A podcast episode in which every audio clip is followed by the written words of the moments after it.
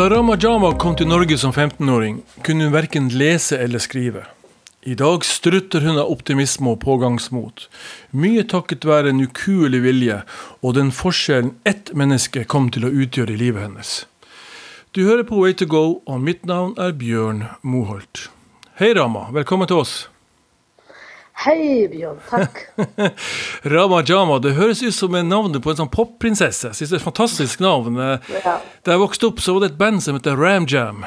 Eh, Oi. så jeg fikk en veldig sånn forbindelse til det. Er det en forkortelse, eller er det ditt uh, virkelige navn? Ja, det er virkelig navnet mitt. Ja, Nydelig. Men du vet, det, når den er på sånn somalisk versjon, så heter Rahma Jama. Med okay. C til slutt. Ja. Men når, når jeg skulle hente eller familiegjenforening, advokaten skrev på den måten, og jeg synes det var kjempekult. Ja, Han tok H fra Rama, og så tok han vekk eh, fra Yama C. Og da ble det Rama Yama. Så ja. det, det liker selv Det er litt sånn artistnavn. Jeg syns det er veldig, veldig fint. Eh, vi skal snakke litt om din, eh, din lange reise. Vi skal prøve å gjøre den så kort som mulig, for vi har ikke all verdens med tid, og det har ikke du i hvert fall. Så det jeg lurer litt på Du kommer jo da fra Somalia. Og eh, som 15-åring, du reiser derifra. Når du er 15 år gammel, så er man veldig mottagelig for inntrykk ikke sant, fra omgivelsene. Eh, hus, hva husker du av det landet du forlot den gangen? Eh, dessverre, jeg husker mest det var vondt og trist, men, eh, men jeg også husker den eh, tilhørigheten, den språket, den kulturen, den mat, den lukten. Fordi det var krig, derfor jeg sier Det var ikke, ja. Men samtidig det var mye, det var mye tilknytning som jeg, kan, som jeg kan kjenne når jeg kom til Norge, at jeg, at jeg, ha, jeg hadde ikke da. Så det var eh, hjemmelandet, samme språk, du ser ikke annerledes ut. Mat. En, eh, det var sånn tilknytning det savner jeg mest. Og det, vi har en stor, eh, stor hva heter det, sånn, eh, Vi er veldig sånn rike av sånn eh, litteratur, sånn dikt, Ja, sang og ja. sånn. Og det er ting som jeg likte mest. Som jeg pleier å gå døgnet rundt og bare synge og synge som det var bombe, som det var krig osv. Så, videre. Ja, ja. så var jeg sånn Jeg hadde hele tida sang. Kan du beskrive landskapet? Litt grann Eh, altså, jeg kommer en eh, by som heter Hargeisa, Nord-Somalia. Mm. Hargeisa er en by som ofte folk sier det ligner litt som Oslo, fordi det er en by som har små sånn, eh, sånn bakken og sånn små fjell. Og det er sånn, når du ser oppover, så ser du sånn eh, opp og så ned, og så noen leilighet der, og så litt hus der. Eh, det er, det er, det er sånne veldig det er sånn, sånne store trær som er grønne, som er veldig vakre midt i det byet der. Små, små, små huset.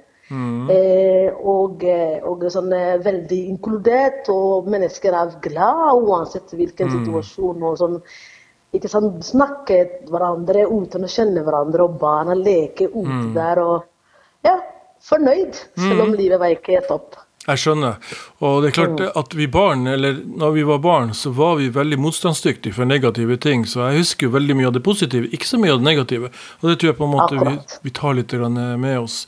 Um, jeg er som du hører fra Nord-Norge, og, eh, og der har vi jo et vilt og vakkert eh, landskap, vil jeg påstå. Eh, landskapet rundt denne byen, kan du si litt om det? Eh, I den lille byen i Hargeisa, det er en by hvor eh, det er små fjell rundt den. Den eh, ble ringet av små, små fjell og har eh, veldig, veldig sånn blandet av by og bygda. Det er plutselig du kan være midt i byen hvor at biler kjører, men samtidig kan du oppdage at det er eh, sau og kamel på andre side.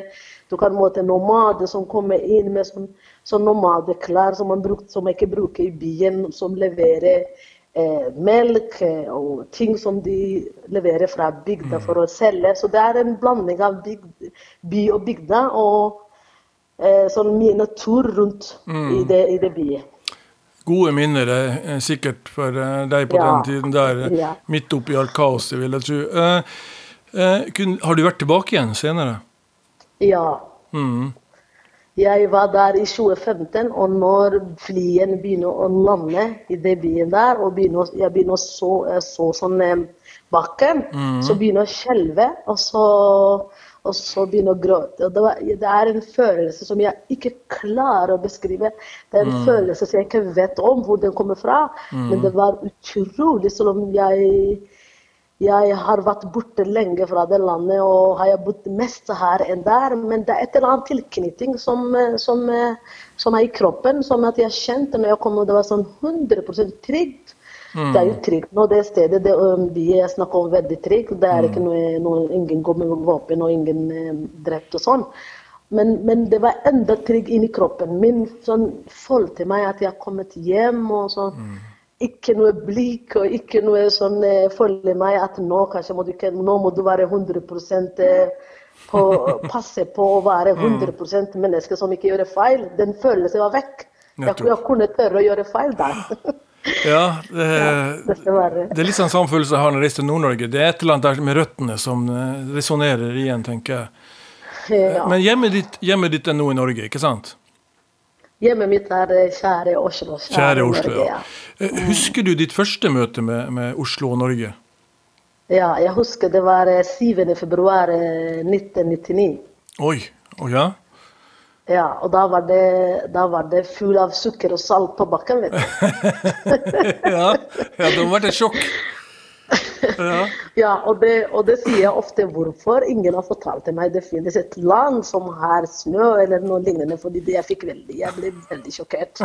ja. eh, men det var kaldt, og jeg hadde på meg sånne veldig høyhale sko. Mm. Og så med en gang passerte jeg ut fra eh, Gardermoen så var det første måte Oslo tok meg imot, var det å skli og så ramle på gulvet. ja, Som Bambi på glattisen. Jeg skjønner. Akkurat. Ja. Og, da jeg, og da tenkte jeg hva skjer her? Og så ble jeg våt, og så kommer foreldrene rundt meg, og så fikk jeg sånn en slags mm. type sko. Så kalt som støvler, men det var for meg var det sånn militære sko, da. Nettopp. Skal jeg ha militære sko? så det var sånn. ja. Ja. ja, det må ha vært et eh, spesielt eh, møte. Uh, det var vel ikke du som valgte å reise til Norge, det var vel en beslutning som skjedde i familiens ja. skjød, vil jeg tro. Det ja. var familiegjenforening, stemmer ikke det? Det var krig, ja. ja. Mm. Hvor, hvor, mange familiemedlemmer hadde du her i Norge da du kom hit? det var rundt fem. Mm. Mm. mm. Ja. Og du var 15 år gammel og litt hva, hva, var, Hvilken følelse hadde du? Var du redd? Var du, var du usikker? Eh, hvordan følte du inni det når du kom hit? Du hadde jo selvfølgelig jeg, disse kjente menneskene, jeg, så det hjalp litt. Ja, ja, du, jeg var veldig redd uansett hvor jeg går. Jeg var mm. hele tida redd. Og jeg var mest redd for å bli spurt noen fordi jeg kunne ikke språket. Mm. Jeg var redd for å gjøre feil. Jeg var redd eh, for Og jeg hadde også inni, inni, inni kroppen min så trodde jeg at eh, det var normalt hele verden Det var krig. Så når jeg hører turden eller et eller annet lyd, så tenker jeg det er bombe. Og da var jeg sånn, jeg, Selv om jeg var i, Oslo, midt i Oslo, selv om jeg er inne i T-banen, så inn, inni meg så var jeg sånn krig. Så om jeg kunne kanskje måte med et menneske som døde eller ligger, så kunne jeg bare takle, fordi det var sånn jeg følte. Jeg klarte mm. ikke å skille det der at der du kommer fra var krig, her er ikke krig. Mm. Det var sånn følelse hele tida bart. Du, mm. Hvor i Oslo var det din familie bodde da? På Bjørndal. På Bjørndal. Mm. Ja. ja. Og, og, du kom jo til en helt annen og, og fremmedartet kultur utenfor familien. I hvilken grad ble du eksponert for det norske når du kom hit? Dessverre. Det jeg husker da jeg kom til Norge, var det sånn at mennesker var ikke mer Jeg synes nå de er mer åpne enn da. Jeg synes mm. det var, det var ingen som ser på deg. Det var, folk mm. var veldig opptatt av avis tidlig om morgenen du tar T-bar eller trikken. Og blikken var litt sånn, litt sånn, sånn ikke, ikke, snill måte, vil jeg tro. Mm. Og, det var sånn, eh, og da var jeg sånn eh, kunne språket, og så plutselig kanskje kommer du litt nær på et menneske fordi du kanskje ramler eller ble dyttet. Og så, og så når du sier så Jeg visste ikke, kanskje noen ganger jeg sier unnskyld. Jeg husker en gang det var en person som sa til meg unnskyld fordi han kom bort til meg på en uhell pga. vi står på en buss. Ja. Og, så sa, og så sa jeg til han nei, fordi det var ordet jeg kunne. Og så sa han hva så? Og da, tenkte, og da så jeg at han var sur. Ja. Så bare flyttet jeg. Så det, ja. det var veldig mye redsel, dessverre. Ja, det, mye. Fordi jeg kommer fra krig. Jeg, jeg, kommer fra et land som var krig, og jeg var redd. Og så kom jeg her, og så var det sånn det, det, var ikke varmt, det var ikke hyggelig. Det var ikke, det var ikke at Jeg skjønte ingenting. Så, så, det var mye lettere å være bare redd, rett og slett, uten å forstå.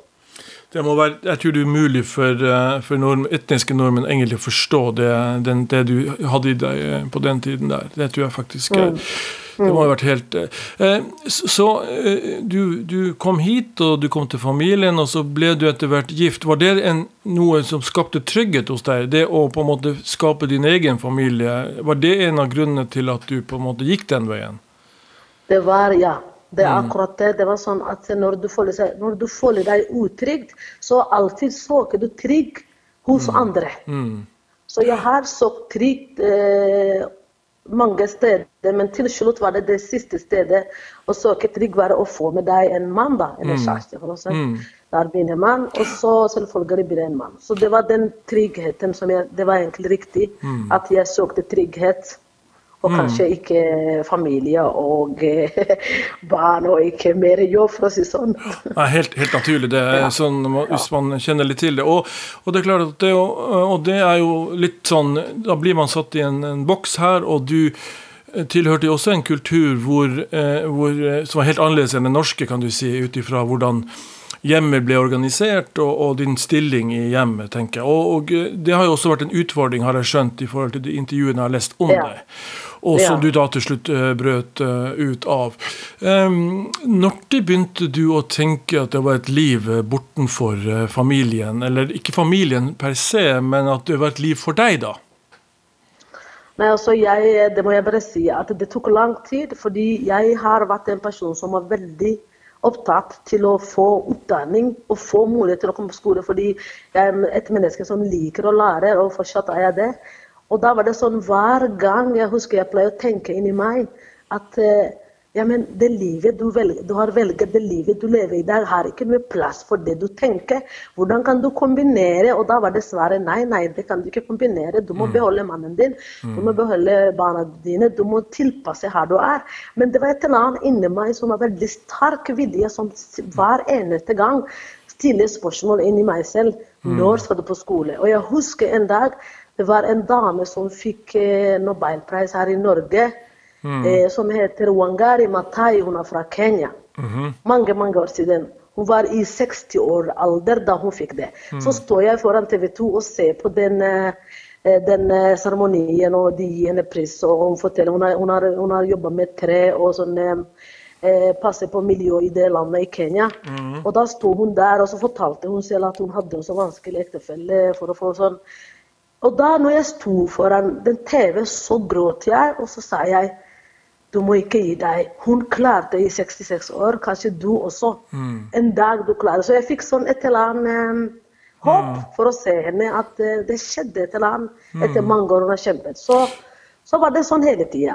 Hvor, hvor, var du i livet da du hadde den, hva skal jeg si, åpenbaringen? Uh, ja, men vet du hva? Jeg, du vet, når, når man bærer det kulturet, og så har du mennesker som er dine forbilder, for, mm. som kan man kalle, mm. så, er du, så, er det på andre ord at jeg var ikke til stede. Det var mange andre ting som var til stede, mm. men ikke meg selv. Mm.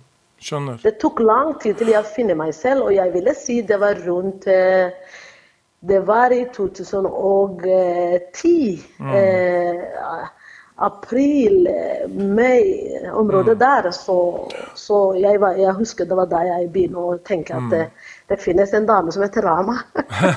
og, og, da hadde det gått ti år fra du, nesten ti år fra du var kommet til Norge, og du hadde fått barn og, og hadde på en måte stifta din egen familie. Eh, ja. skjønner. Hva var dine forhåpninger til barna dine? Jeg går ut fra at i og med at du har denne driven inni deg om utdannelse, som du sikkert hadde også, hadde også i Somalia, og, og, tok med deg hit, eh, hva var dine ønsker og drømmer for dem da? Altså, ja, det, det, det første drømmen for barna mine var at de skal ikke, de skal ikke oppleve det jeg opplever. De mm. skal bli tatt vare for å vise de er viktige, de er verdifulle. Og de kan gjøre feil, og de kan eh, rote, og de kan eh, gripe noen. Men de er fortsatt gode som de er, og de er gode nok uansett hvor de, gjør, hvor de kommer bort, eller hva de gjør.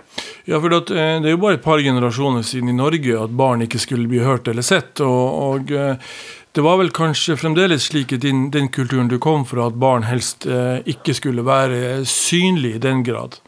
Men dette, Eh, ja. dette har jeg jo lest også, at du, dette var noe du tenkte på og ville noe annet for dine barn. Um, Og så etter hvert så kom du deg ut av ekteskapet, du ble skilt. Og det var vel også en ganske komplisert uh, Ikke minst uh, kulturelt var det komplisert å gjøre noe slikt. Eh, Hvor, hvor Ja. lenge varte den prosessen? Den prosessen, det som var veldig morsomt, at jeg var så opptatt av å gå på skole, så jeg, jeg ga ikke noe tid. Jeg hørte ikke hva folk sa. Jeg ga ikke noe i det hele tatt mulighet til å, å, å nyte eller forstå den kaosen og de spørsmålstegnene og kanskje en del baksnakk. Det var, jeg hadde ikke okay. tid. Det første ting jeg gjorde, bare kaste meg til skole og levere barn i barnehage. Den siste mannen. Ja. Og det var, jeg var så lett, og det var så, jeg hadde så masse energi. Og så, vet du hva, Jeg hadde så mye energi. Jeg kunne bære en eh, hva skal man si, kanskje en kamel eller en eh, båt. ja. ja. Når, når hadde du den første eh, åpenbaringen når det gjaldt bruken av språket? For det først, altså Språket er helt, helt avgjørende.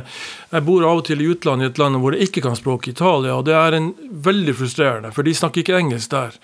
Og jeg Ja. forstår det veldig godt når du kommer til en ny kultur, og du skal være her eh, fremover og ikke forstå og kunne språket. Eh, og, og en ting er jo språket, så kommer de kulturelle kodene i tillegg, men språket er jo helt avgjørende for å på en måte bli en del av det samfunnet du, du er i. Eh, kan du si litt om det?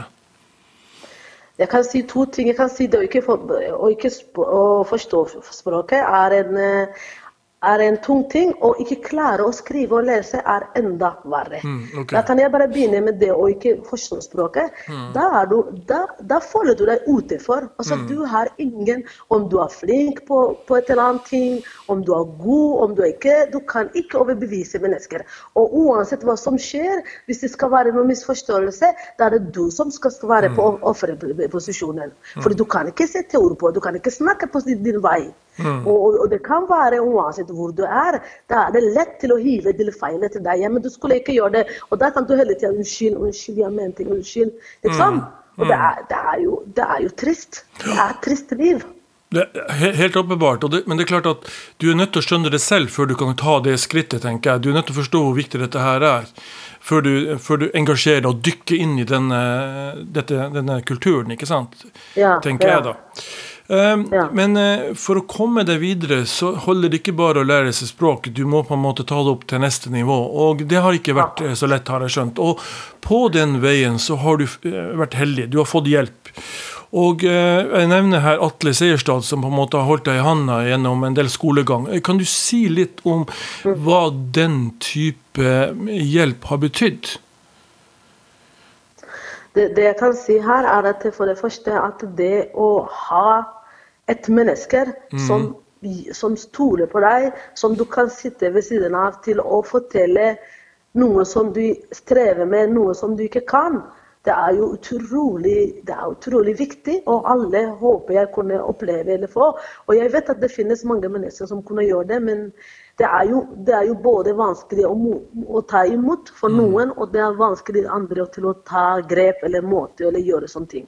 Så det er eh, jeg, når jeg måtte med Jeg må bare si det er han er Atle en av de som, er, eh, som har stått til meg hele veien med skole. Men også har jeg, også har jeg, har jeg hatt en annen, eh, andre mennesker, f.eks. på en organisasjon som heter Homestad. Og da er det en dame som heter Greta. Mm. Mm. Det, var, det var hun som egentlig begynte å hjelpe meg når barna var små. Akkurat. Hente barn på barnehage, komme på besøk hjemme, lese de faktorene som kommer. Mm. For det var jo, det begynte jo ganske sant, inne der. Og så de, og så kom jeg på skole og så begynner jeg å få sånn lille små ark som står et eller annet ting som jeg ikke kunne å skrive eller forstå. Og da var det sånn henne kunne begynne. Men når Atle kom, så var det, da begynte jeg å forstå litt, og begynne å forstå bokstaver og leser og sånn. Så Atle har vært en støttende når det gjelder skoleverket. Ja, for du, du, du ikke bare, holdt ikke bare med, med, grunnskolen for deg, du ville videre, du ville på en måte ta det opp til neste nivå. Da Ja, ja. trengte du kanskje Ja, ja. litt, enda litt mer hjelp. Eh, Planen min, planen min var eh, å skaffe en bachelor, men uh, livet er urettferdig. Jeg, jeg, jeg er på vei. Ja, ja se der.